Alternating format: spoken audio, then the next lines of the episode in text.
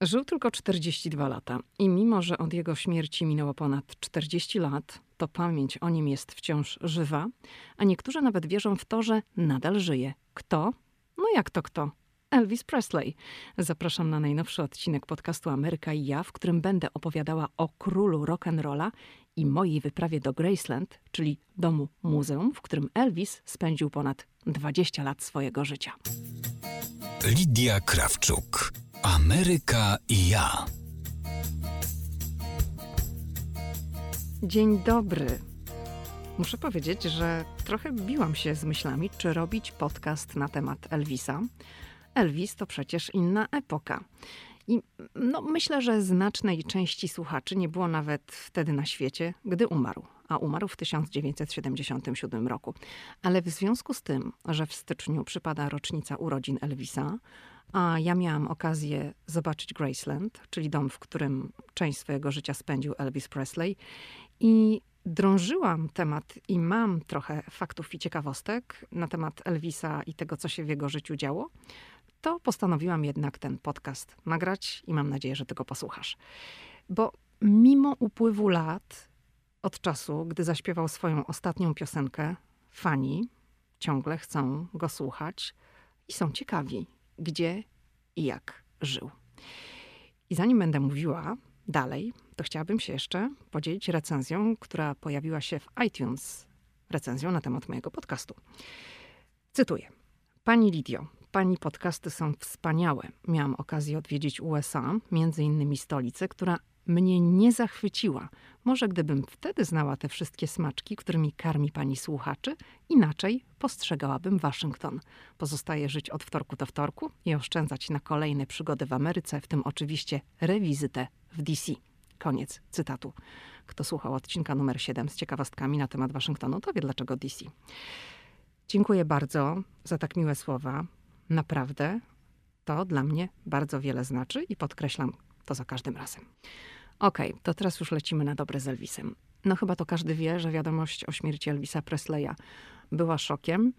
I myślę, że jeżeli zapytamy naszych rodziców, niektórzy być może dziadków, to opowiedzą nam, jak to było wtedy w telewizji, co się podawało. Na pewno powiedzą nam, co pisano w gazetach, bo to była informacja szokująca, na całym świecie, nie tylko w Stanach Zjednoczonych. I te pierwsze informacje, które pojawiły się w Stanach, były bardzo zdawkowe. Wyczytałam i słyszałam nawet, oglądałam jakiś filmik, zdaje się, na YouTube. Podawano nawet, że Elvis umarł w wieku 45 lat, choć tak naprawdę miał wtedy 42 lata. Elvis Presley zmarł w szpitalu w Memphis. To było dokładnie 16 sierpnia 1977 roku i oficjalnie powodem zgonu był atak serca oficjalnie. A mnie oficjalnie różne inne teorie się pojawiały. Ja nie chciałabym spekulować. Nie wiem, no oficjalnie mówią, że to był atak serca i przy tym zostańmy. Dlaczego ja w ogóle wybrałam się do Graceland? No, Elvis w jakiś sposób zawsze mnie fascynował, choć mówiąc szczerze, wcale nie słuchałam jego piosenek. Nie miałam ani jednej e, jego płyty. Ale mimo to on mnie jakoś tak fascynował jako postać amerykańskiej popkultury i zawsze mówiłam, że chciałabym pojechać do Memphis. To tak trwało latami.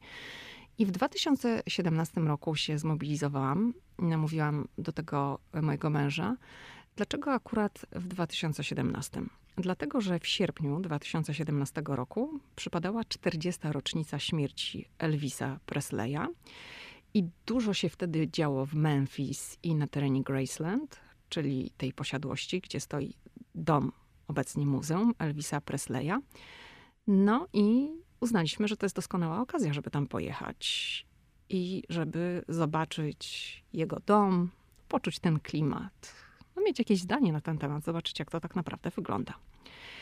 I zanim pojechaliśmy do Graceland, to no, sporo czytałam na temat Elvisa. I jest taka historia, która mnie nawet zafascynowała, mm, o której chcę teraz powiedzieć, bo niektórzy mówią, że Elvis żyje, prawda? No żyje, no żyje. Jak ktoś pojedzie do Las Vegas, to można tam spotkać nie jednego, kilku Elvisów. Oczywiście w tym momencie sobie żartuję, no ale po ulicach Las Vegas kręcą się mężczyźni w przebraniu Elvisa Presleya. Kilku Elvisów naraz to można nawet spotkać przy znaku powitalnym. Jak się wjeżdża do Las Vegas, to tam wszyscy się fotografują i tam też zawsze jakiś Elvis w białym kostiumie się przechadza jeden albo nawet kilku. Elvisa można też spotkać w Hollywood, jeżeli się pojedzie i będzie się spacerować. Walk of Fame, czyli przy teatrze Dolby, teraz kiedyś to był teatr Kodaka. Tam też Elvis w kostiumie sobie chodzi i oczywiście namawia turystów do robienia sobie zdjęć za napiwki.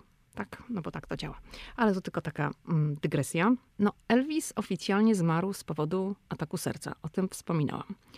Ale tutaj w Stanach, myślę, że nie tylko w Stanach, ale zwłaszcza w Stanach, są ludzie, którzy uważają, że śmierć Elvisa jest jedną wielką mistyfikacją i że król rock'n'rolla ciągle żyje. I najbardziej znany z tej teorii jest pewien psychiatra z Kansas. Ten psychiatra nazywa się Donald Hinton.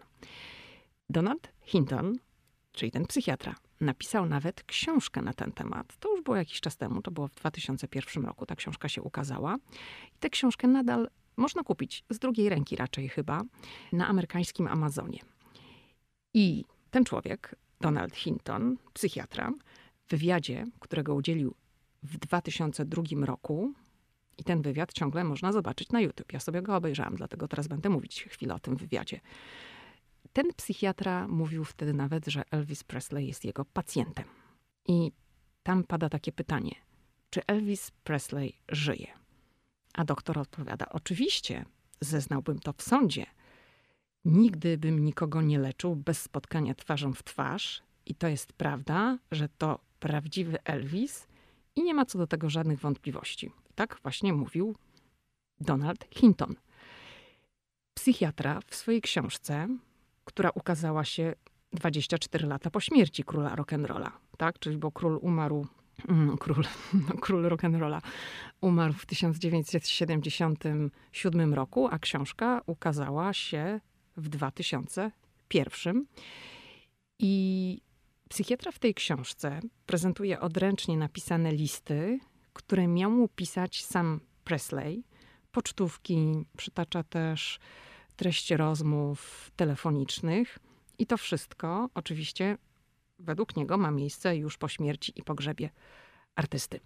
I jednym z dowodów na to, że Elvis żyje, ma być również jego grób znajdujący się na terenie posiadłości w Graceland. Tak, na terenie posiadłości w Graceland jest grób Elvisa Presleya. Nie tylko Elvisa, tam obok pochowani są również jego rodzice, jego babcia. To znaczy, te groby, o ile sobie przypominam, one zostały przeniesione z innych miejsc, no ale w tej chwili znajdują się tam razem. Tam jest również tablica, która upamiętnia, taka tablica nagrobna, która upamiętnia brata bliźniaka Elvisa Presleya, ponieważ Elvis Presley miał brata bliźniaka, który urodził się martwy. I to dziecko zostało pochowane w innym miejscu, gdzieś na cmentarzu w Tennessee, ale tutaj w tym miejscu na terenie Graceland jest taka tablica, która go upamiętnia. Ale wracając do psychiatry. Psychiatra twierdzi, iż błąd w drugim imieniu artysty nie jest przypadkiem. I na nagrobku napisane jest Elvis Aaron Presley, ponieważ Elvis na drugie miał Aaron. I jednak imię Aaron napisano używając podwójnego A. Czyli jest najpierw duże A, potem małe A i Ron, Aaron. I ten doktor Hinton mówił wtedy tak. Jego drugie imię, czyli Elvisa Presleya, jest pisane przez jedno A. Na grobie są dwa A. I psychiatra uważa, że Elvis nie chciał, by jego pełne, prawdziwe imię znajdowało się na grobie, w którym jego nie ma. I to ma być według niego ten dowód, dlaczego imię jest napisane w inny sposób. No i ja jak tam pojechałam, to zwracałam uwagę na to imię i rzeczywiście. Zresztą u mnie na blogu Ameryka i ja jest galeria ze zdjęciami z Graceland, no bo oczywiście to pokazywałam na blogu, mm, jak wygląda to wszystko. I ten grup też jest sfotografowany. I teraz siedzę przy komputerze i sobie szybko przewijam. I tak rzeczywiście jest są dwa A, występują. Jest Elvis, Aaron, Presley, dwa A. I zaczęłam w Google sprawdzać, jak jest pisane imię Elvisa, drugie imię Aaron, i w Google jest pisane przez jedno A. No ale czy to jest dowód? Ale powiem szczerze, że tak mnie to też zaczęło trochę zastanawiać, no bo skoro, nawet jeżeli ktoś się pomylił, tak, no bo ktoś może się pomylił, ja nie wiem, to mo można było to skorygować, a tam ciągle te dwa A występują, a może w Google tam ktoś raz napisał, że Aaron przez jedno A, on, a jego imię pisze się przez dwa. No nie wiem. W każdym razie to był taki dowód według tego psychiatry, że, że jest coś na rzeczy. I ten kontrowersyjny w USA psychiatra nie jest jedyną osobą, która twierdzi, że Elvis Presley żyje. W styczniu 2017 roku, czyli przy okazji 82 urodzin króla rock'n'rolla, świat obiegło zdjęcie starszego mężczyzny z siwą brodą, w baseballowej czapeczce, w ciemnych okularach. No tutaj w Stanach ono też oczywiście krążyło, pokazywały go różne amerykańskie portale. I ten mężczyzna, czyli ten z siwą brodą i baseballowej czapeczce, w ciemnych okularach, on uczestniczył w obchodach urodzin piosenkarza w Graceland. Bo zawsze jak są urodziny albo rocznica śmierci Elvisa Presleya, to tam przyjeżdża spora grupa jego fanów, i na terenie Graceland odbywają się takie uroczystości wspominkowe. No wiadomo, piosenki Elvisa, ludzie rozmawiają na temat swojego idola. To są starsi ludzie zazwyczaj, w dużej mierze starsi. To są pokolenia, które po prostu go pamiętają, dla których on był w tamtym czasie idolem. I no, często to w tamtym okresie to były nastolatki, no a teraz to już są e, ludzie, którzy też mają swoje lata. W każdym razie ten mężczyzna, o tym wyglądzie, który opisałam, uczestniczył w obchodach urodzin e, Elvisa Presleya w Graceland i według osoby, która umieściła to zdjęcie w sieci, to jest Elvis Presley. No ciekawe, prawda? Jestem ciekawa, czy ty jak sobie posłuchasz, czy poczytasz takich różnych historii, to nie masz ochoty wiedzieć czegoś więcej na temat Elvisa. No ja chciałam i chciałam tam pojechać na miejsce. No to pojechałam, dlatego że zobaczenie domu króla rock'n'rolla od dawna było moim pragnieniem, ale Dopiero właśnie jak się na serio wziąłem za ten temat przy okazji 40. rocznicy, bo było w amerykańskiej prasie, w amerykańskich mediach sporo na ten temat. Tam była wielka impreza organizowana na terenie Graceland przy okazji. Ja nie uczestniczyłam w tej imprezie, to od razu chcę zaznaczyć, żeby tutaj nie było takiego mylnego przeświadczenia, że ja tam byłam. Ja byłam w sierpniu wtedy, kiedy były takie ogólne obchody i Memphis żył powiedzmy Elvisem, ale ja nie byłam w dniu samej rocznicy.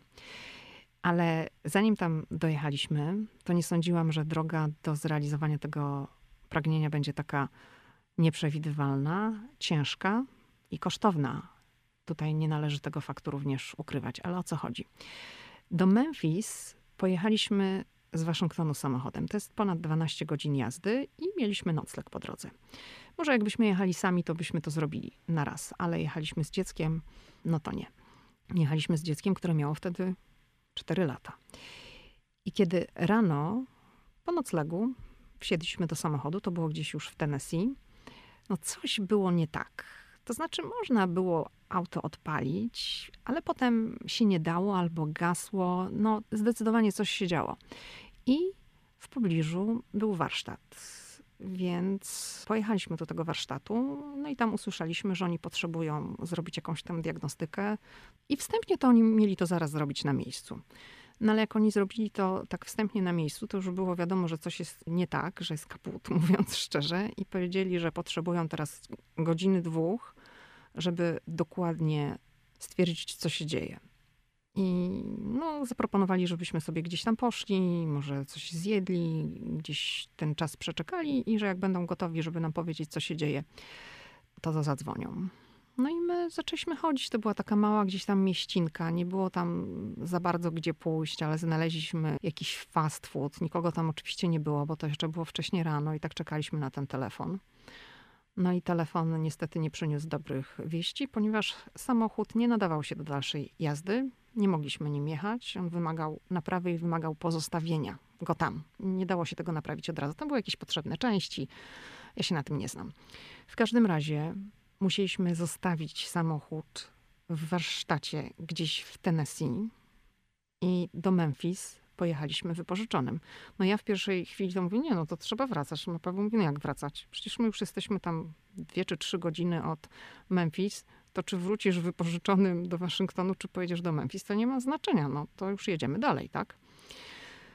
Eee, no ja mówię, no tak. No to pojechaliśmy do Memphis i tym wypożyczonym w efekcie wróciliśmy też do Waszyngtonu po zaliczeniu wycieczki po domu Elvisa.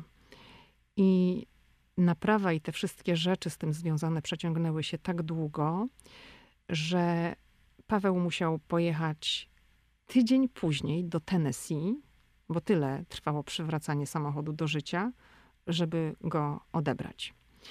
I dlaczego my zdecydowaliśmy się na wypożyczenie samochodu, żeby pojechać tym samochodem do Waszyngtonu i go potem oddać.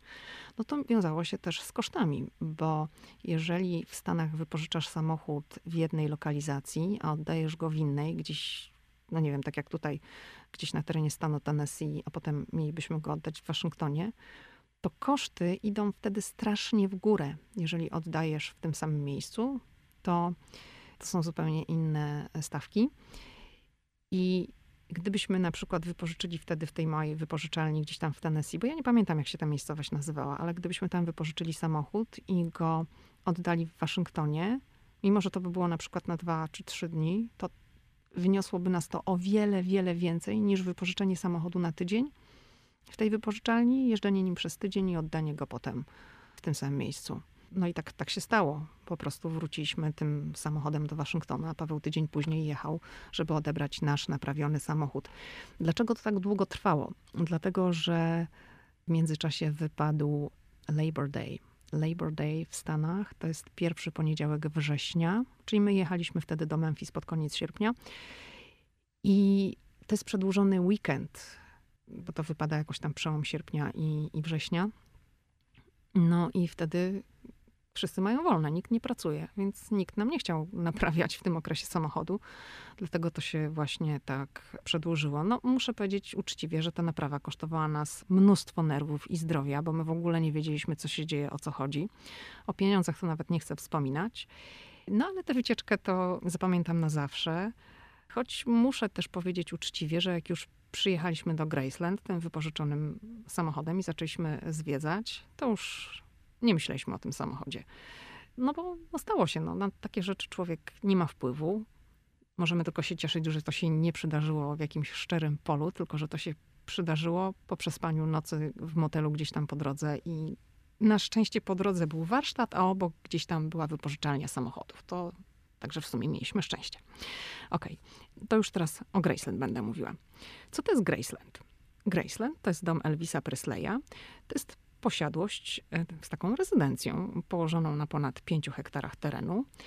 Elvis Presley kupił tę nieruchomość w 1957 roku. Wtedy to kosztowało 100 tysięcy dolarów, teraz to pewnie byłoby kilka milionów. I mieszkał w tym domu do śmierci, czyli do sierpnia 1977 roku. I od strony ulicy tę posiadłość otacza kamienny mur, i ten mur cały, ale calutki jest, mówię ten odcinek tego kamiennego muru, on jest pokryty cały podpisami. Tam ludzie z całego świata się podpisują, piszą swoje imiona, miasta albo państwa, z których pochodzą. Tam są slogany typu I love you, Elvis i tak dalej. No i ja też tam się na tym muszę podpisałam. Już nawet nie pamiętam, co ja tam napisałam, ale też wyciągnęłam długopis i coś tam napisałam. I Graceland to jest dzisiaj taki dom, muzeum, tam nikt nie mieszka i to świetnie prosperuje. I ten dochodowy biznes stworzyła była żona Elvisa Presleya, Priscilla, no, która przyznaje teraz w wywiadach, że namawiano ją, żeby sprzedała tę posiadłość. No ale ona tego nie zrobiła i całe szczęście, bo teraz każdy może tam przyjechać i to zobaczyć. Ten dom nie jest duży. Właśnie otwieram sobie, już mam, otwieram sobie fotografię na moim blogu, na którym ten dom jest. Muszę powiedzieć, że on mi trochę przypomina Biały Dom. Kształtem, bo on nie jest cały biały, ale kształtem przypomina mi Biały Dom. Zdecydowanie ta środkowa część, gdzie jest wejście, to wygląda jak Biały Dom. Też są takie wysokie cztery białe kolumny. Ten, ten przód z takim mm, daszkiem trójkątnym. Ten, ten przód jest biały. On jest mniejszy, rzecz jasna, niż Biały Dom. I ten dom ma, tutaj fasada jest taka z kamienia i są zielono okiennice. Bardzo ładny jest to dom, ale zapewne dzisiaj to Elvis pewnie żyłby w czymś chyba bardziej imponującym. Tak mi się wydaje, bo ten dom nie jest wielki. Można go oczywiście zwiedzać, wejść do środka, ale nie, nie wszędzie. Ale o tym powiem. W każdym razie otwarcie Graceland nastąpiło w 1982 roku, czyli to było 5 lat po śmierci piosenkarza. I od tego czasu Graceland odwiedziło ponad 20 milionów osób, w tym wielu turystów z zagranicy. I w Graceland zachowano oryginalne meble, wystrój wnętrz, jest fortepian, na którym grał piosenkarz. Jest także mm, między innymi taki telewizor z lat 50. I jak mówi Priscilla Presley, czyli jego była żona, bo oni się rozwiedli, to Elvis Presley ten dom uwielbiał i mówił, że nigdy się go nie pozbędzie. Ale ten dom to nie jest wszystko. Od wiosny 2017 po przeciwnej stronie ulicy działa również taki wielki kompleks i tam w tym kompleksie mieszczą się wystawy z pamiątkami po Elvisie i można tam zobaczyć między innymi jego samochody, jego łodzie, jego kostiumy sceniczne i rzecz jasna są tam też sklepy z pamiątkami oraz restauracja. No, może za duże słowo, to jest po prostu fast food taki typowy amerykański i właśnie w tym kompleksie po przeciwnej stronie ulicy rozpoczyna się wycieczka, tam mieszczą się kasy biletowej. Ile kosztuje taka wycieczka? No tam jest kilka pakietów, są też jakieś pakiety VIP-owskie, ale powiedziałabym taki standard, czyli jeżeli chce się zobaczyć i ten cały kompleks z wystawami i dom, to jest około 60 dolarów. I tak jak wspominałam, kompleks i posiadłość znajdują się po przeciwnych stronach ulicy, o tym mówiłam. I z kompleksu na drugą stronę ulicy jedzie się autobusem. To jest taki kawałeczek, tam każdy mógłby przejść na pieszo, no ale takie są zasady. I zwiedza się ten dom z iPadem, to znaczy jak się zaczyna chodzić, to ten iPad się jakby samodzielnie uruchamia i głos lektora po prostu opowiada, co się znajduje w poszczególnych pokojach. Tam jest do wyboru kilka języków, ale polskiego nie ma. Ja słucham po angielsku. I no, dla mnie to była bardzo interesująca wycieczka. I jeżeli ty masz ochotę zobaczyć właśnie ten dom, mm, pokoje, mm, grób Elvisa Presleya, to odsyłam do tekstu na blogu Ameryka i ja. Ten tekst nazywa się Dom Elvisa Presleya. I tam to wszystko można zobaczyć. Czyli co można zobaczyć? Na miejscu. Dom, ale nie wszystkie pokoje. Nie można wejść do każdego pokoju i tak naprawdę do pomieszczeń nie można wejść, tylko ogląda się je z progu z przedpokoju, bo wejście jest odgrodzone liną. I jak na tamte czasy, to Elvis no, żył w luksusie, jasne. Natomiast no, powiedziałabym, że to nie ma nic wspólnego ze współczesnym pojęciem luksusu. Ten dom wydawał mi się, powiedziałabym, taki trochę ciasny i ciemny. A może to też wynika z faktu, że obecnie to są modne, jasne, przestronne wnętrza, a tam niektóre ściany, znaczy wiele pomieszczeń było po prostu w jakichś takich ciemniejszych kolorach. Okna nie są takie wielkie, jak teraz się buduje. Więc po prostu to jest zupełnie inna moda w designie, we wnętrzach, prawda? No to są przecież, on zmarł w latach 70., ale mieszkał tam 20 lat, czyli to się tam pewnie zmieniało na przestrzeni lat. Natomiast no teraz tam jest taki pokój dżungla, no raczej nikt sobie pokoju dżungli chyba już tak nie robi, że w takich zielonych kolorach. No ja bym chyba oszalała w takim pokoju, no ale ma to swój urok, tak? No, żeby sobie zobaczyć na zasadzie obiektu muzealnego, to jasne, ale żeby tak żyć, to ja dziękuję. W każdym razie wspominałam o różnych publikacjach, które ukazały się w Stanach przy okazji 40. rocznicy śmierci Elvisa. I no z nich wynika, tak wyczytałam, że choć Elvis na koncertach był obiektem pożądania, między wersami piosenek rozdawał całusy fankom, ściskał im dłonie, obejmował je, to tak naprawdę Elvis miał dosyć sławy. No może dlatego się ukrywa teraz, nie? Tak jak mówi ten psychiatra z Kansas. Teraz, no skoro się ukrywa, no to pewnie miał dosyć sławy. Jeżeli to jest prawda, tak? A pewnie to nie jest prawda. W każdym razie w ostatnich miesiącach swojego życia Elvis miał mawiać: Jestem zmęczony byciem Elvisem Presleyem. Jedną z takich, powiedziałabym, bardziej interesujących pozycji, które ukazały się w ostatnich latach na temat Elvisa Presleya, jest książka, którą napisała jego prywatna pielęgniarka, która przez kilka lat wraz z mężem i dwiema córkami mieszkała w przyczepie zaparkowanej na terenie Graceland, czyli posiadłości króla rock'n'rolla w Memphis, tam, tam gdzie byłam. I to Elvis kupił im tę przyczepę oraz zatrudnił męża pielęgniarki. I ten mąż dbał o posiadłość oraz Elvisa samochody, motocykle i sprzęt rekreacyjny, bo on miał tego naprawdę dużo. Tak jak się pójdzie do tego kompleksu i to się wszystko pogląda, ile on tego wszystkiego miał, tych samochodów, tych łodzi, jakichś motorów, to człowiek sobie zdaje wtedy sprawę, bo ten dom, no ludzie mają domy, mniejsze, większe i to tak nie dociera, ale jak się zobaczy samochody, które on miał, właśnie te łodzie, to wszystko, to dopiero człowiek sobie zdaje sprawę z tego, jaka to jest skala, jakie to są pieniądze. W każdym razie ta pielęgniarka, ona ma dzisiaj ponad 70 lat i nazywa się Leticia Hallikirk. No, w tej książce ona nie napisała o uzależnieniu od narkotyków i no nie ukrywajmy, rozwiązłym życiu w trasie koncertowej. Napisała o tym, jaki Elvis był prywatnie, a był według niej niezwykle szczodry i lubił uszczęśliwiać ludzi, choćby za pomocą prezentów. I ta pielęgniarka otrzymała od Elvisa tych prezentów wiele. Otrzymała również czarnego Cadillaca, ale ostatecznie go nie przyjęła, ale Elvis go jej dał. Powiedział, to twój, proszę bardzo. Ona go nie wzięła.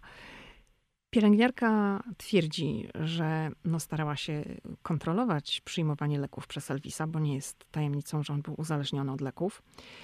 No ale jak napisała, te leki napływały zewsząd. Piosenkarz miał do nich dostęp za pomocą wielu lekarzy, no i nie dało się po prostu tego opanować. I ona jest jedną z tych osób, ta pielęgniarka, która, znaczy była pielęgniarka, tak, no bo to już w tej chwili jest pani po siedemdziesiątce, ale ona regularnie uczestniczy w Graceland, w tych imprezach poświęconych Elvisowi. I jak mówi, to właśnie ta ciekawość fanów, którzy ciągle chcą słuchać historii Elvisie, popchnęła ją do napisania książki. Okay. ta wycieczka to tak naprawdę nie tylko dom, ale to jest również to, co jest wokół domu. I muszę powiedzieć, że grup i to, co jest dookoła, no, robi dosyć takie dziwne wrażenie. Tam, jak powiedziałam, leży nie tylko Elvis, ale też jego rodzice i babcia e, i ten e, jego brat, bliźniak Jesse. Te groby wszystkie są umiejscowione wokół, no groby to są takie tablice płaskie. One są umiejscowione wokół okrągłej fontanny i tam jest pełno kwiatów, jakichś ozdób. Ludzie zostawiają różne rzeczy.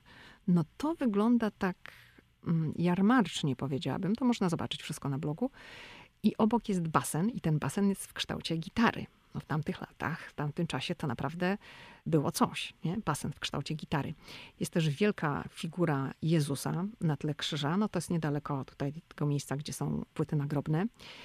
Pełno tam jest jakichś wieńców, flag, maskotek. To ludzie wszystko zostawiają. I Elvis, i tam to widać, no jest naprawdę obiektem kultu. Choć trzeba też zaznaczyć, że no to są starsze pokolenia, które to wszystko zostawiają.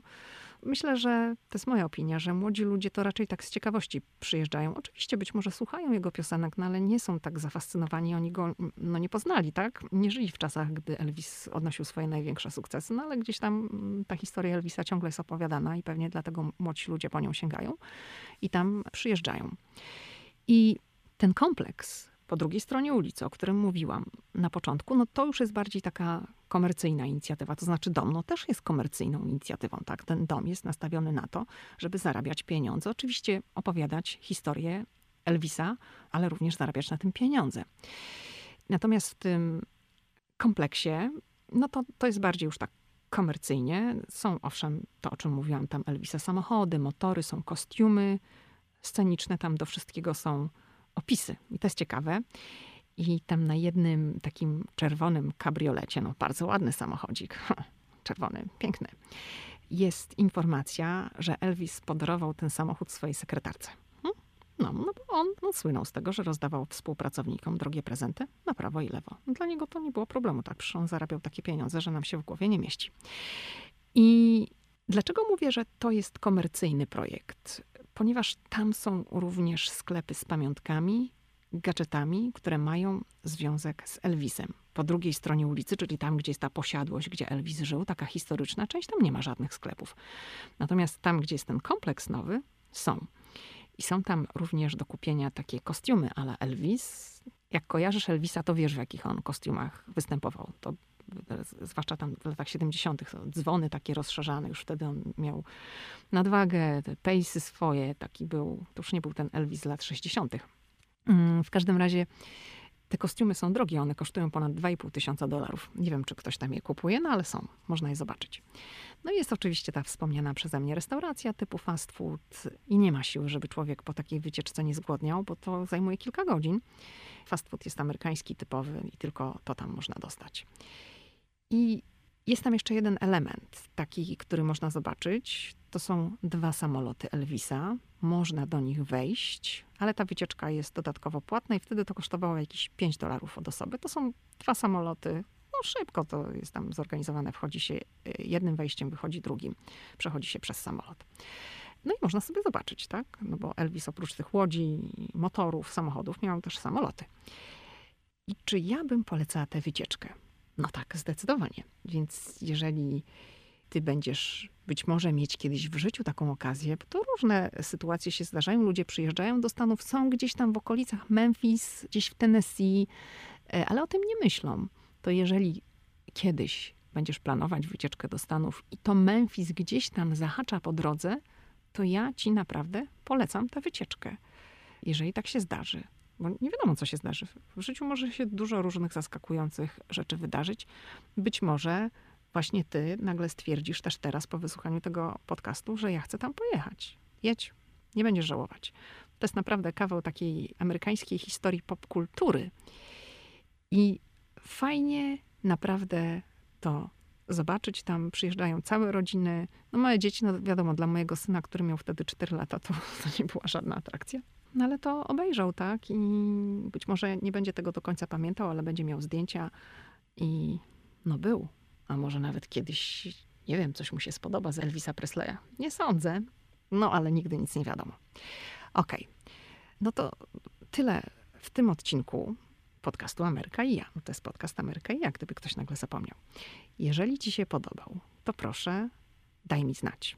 Teraz chciałabym też właśnie tak na końcu wyjaśnić, dlaczego ja o tym wspominam i proszę o pisanie recenzji w iTunes. Dlatego, że dobre recenzje pomagają mi docierać do nowych słuchaczy. Dlaczego ja chcę docierać do nowych słuchaczy? Dlatego, że żeby podcast mógł się rozwijać i będzie się rozwijał tylko wtedy, jeśli będzie gromadził coraz szerszą grupę odbiorców. A decyzja o tym, czy warto podcastu posłuchać, zależy przecież również od dobrych recenzji. Tak? Jeżeli ktoś wchodzi i szuka czegoś do posłuchania i widzi, że podcast ma fajne recenzje, dobre recenzje, że odbiorcom się podoba, to jest szansa, że również się nim zainteresuje. Dlatego, jeżeli Tobie się podoba i chcesz, żeby ten podcast się rozwijał, a rozwijał to znaczy, żeby również powstawały nowe odcinki, to proszę napisz. Dziękuję. Do usłyszenia.